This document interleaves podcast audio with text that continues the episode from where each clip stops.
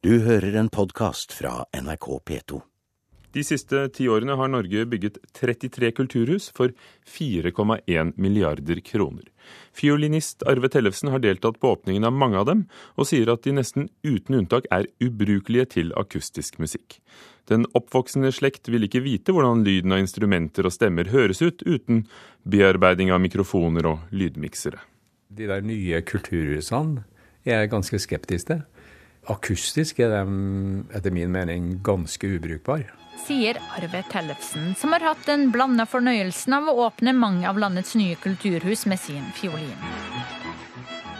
Blandet fordi selv om husene er flotte, er det litt stusselig når Guernari-fiolinen må mikkes opp for at lyden skal komme ut til publikum. De er bygd ikke for klassisk musikk, i hvert fall.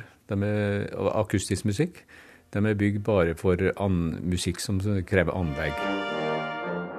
Det er ikke bare klassiske utøvere i internasjonal klasse som fortviler.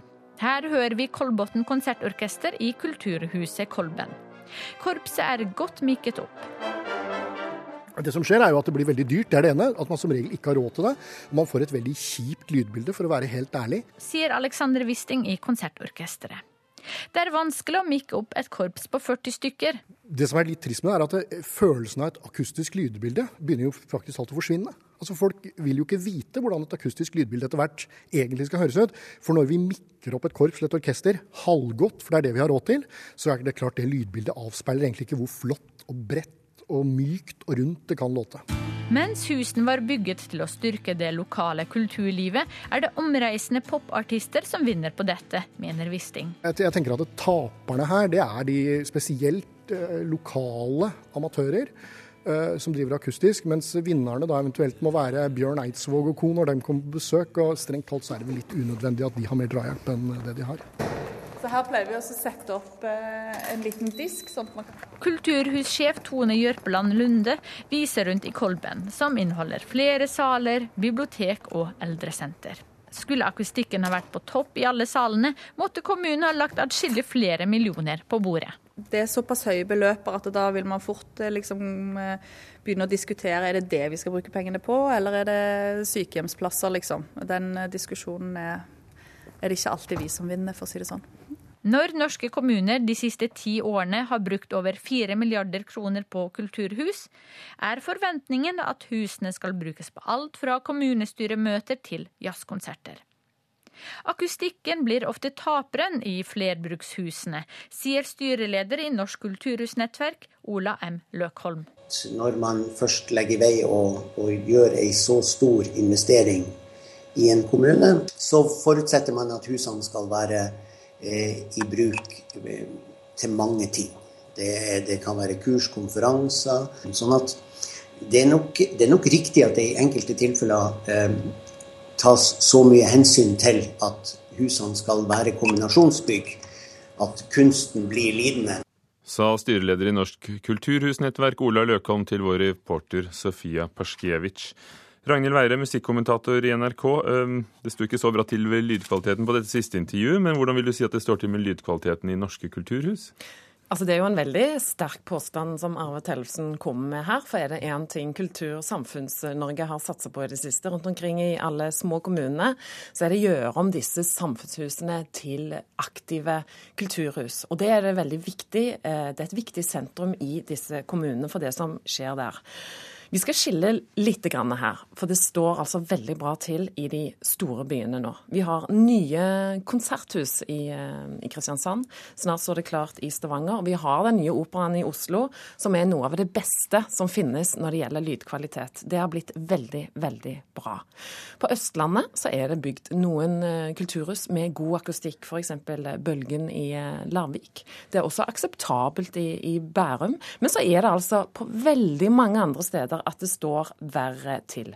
Det er helt nye hus, de er flotte å se på, det er nye bygg, men kommunen har ikke brukt den kunnskapen som trengs for å få det til å fungere også for akustiske musikere som Arve Tellefsen og andre små fiolinister, f.eks. For, for når en fiolin, og ikke bare da alle er på Arve Tellefsens nivå, ikke når ut, så må det jo være noe, noe galt. Men er det et spørsmål om penger, eller eh, hva man vil? Det er nok et spørsmål om at her har man ikke gjort noen valg på et tidlig tidspunkt. Byggherren, eller kommunene som bygger disse husene, har nok ikke en kravspesifikasjon til, som er tydelig nok på hva skal disse salene brukes til. Dette er bygd stort sett som allbrukshus, og slik skal det være i et eh, moderne samfunnshus. Bandene skal få fungere der, og det lokale revyteateret på linje med teater- og popartister. Men da skal også kulturskolen og Arve Tellefsen-solister fungere i disse byggene. Og det gjør de ikke, fordi eh, det har blitt dempa for all etterklang pga. at elektrisk forsterka lyd krever at det er helt tørt, at det ikke er noe sånn rumling av etterklang.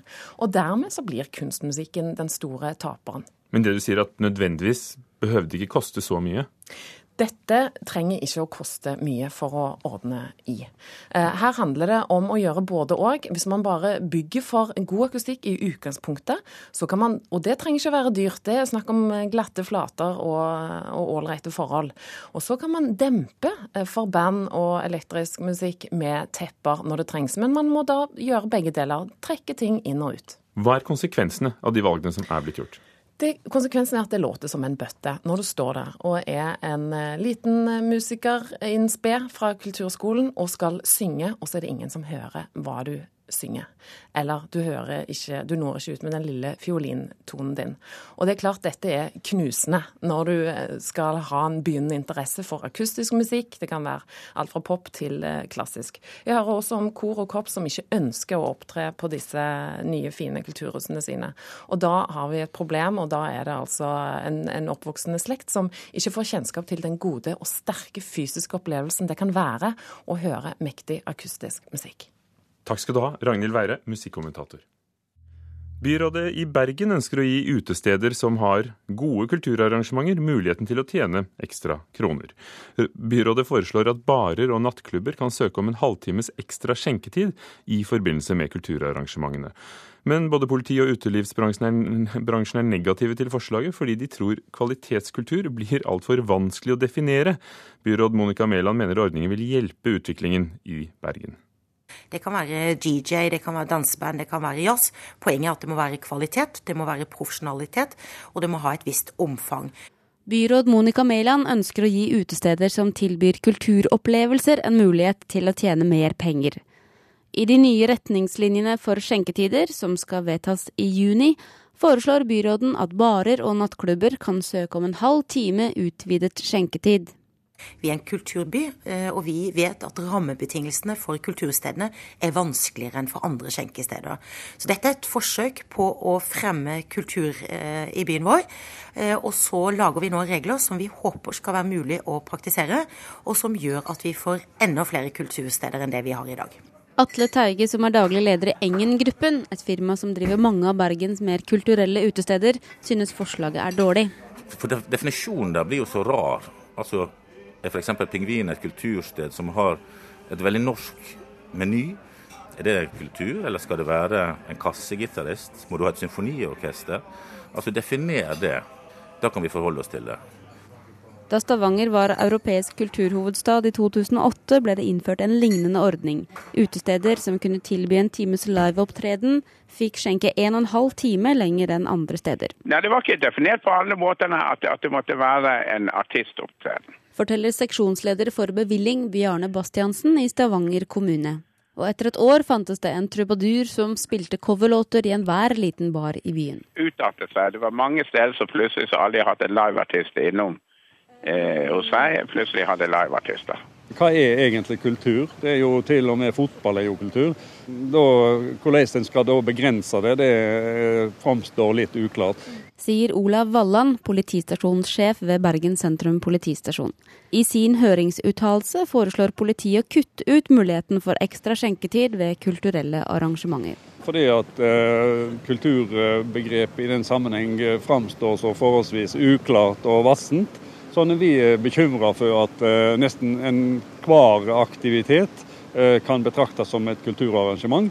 Politiet er redd for at skjenkeløyve basert på et vagt kulturbegrep blir en generell åpning for lengre skjenketid. Vi kommer ikke til å dele ut eh, ekstra skjenketid til alle som søker. Vi kommer til å ha en veldig nøye behandling av hvert enkelt sted, nettopp eh, fordi vi skal hindre forskjellsbehandling, og fordi vi skal fremme kultur. Byråd Monica Mæland er sikker på at Bergen unngår slike tilstander som det var i Stavanger, hvis muligheten for utvidet skjenketid ved kulturarrangementer blir innført. Kan du si noe om hva denne profesjonaliteten og kvaliteten kan være? Jeg skal ikke sitte og, her og, og eh, saksbehandle disse sakene. Hvis vi er i tvil, så går vi til kulturavdelingen vår, som har veldig stor kunnskap om eh, kulturbegrepet og praktisering av det. Atle Teige, som driver utesteder i Bergen, tror mange barer vil tilby kultur for å få utvidet skjenketid. Men ordningen er som skapt for forskjellsbehandling, mener han. Å sette i gang og la en kulturarbeider definere kvaliteten på et skjenkested, det er, ja, det er vanskelig. Og dermed urettferdig. Og reporter i Bergen var Helena Rønning. Du har hørt en podkast fra NRK P2.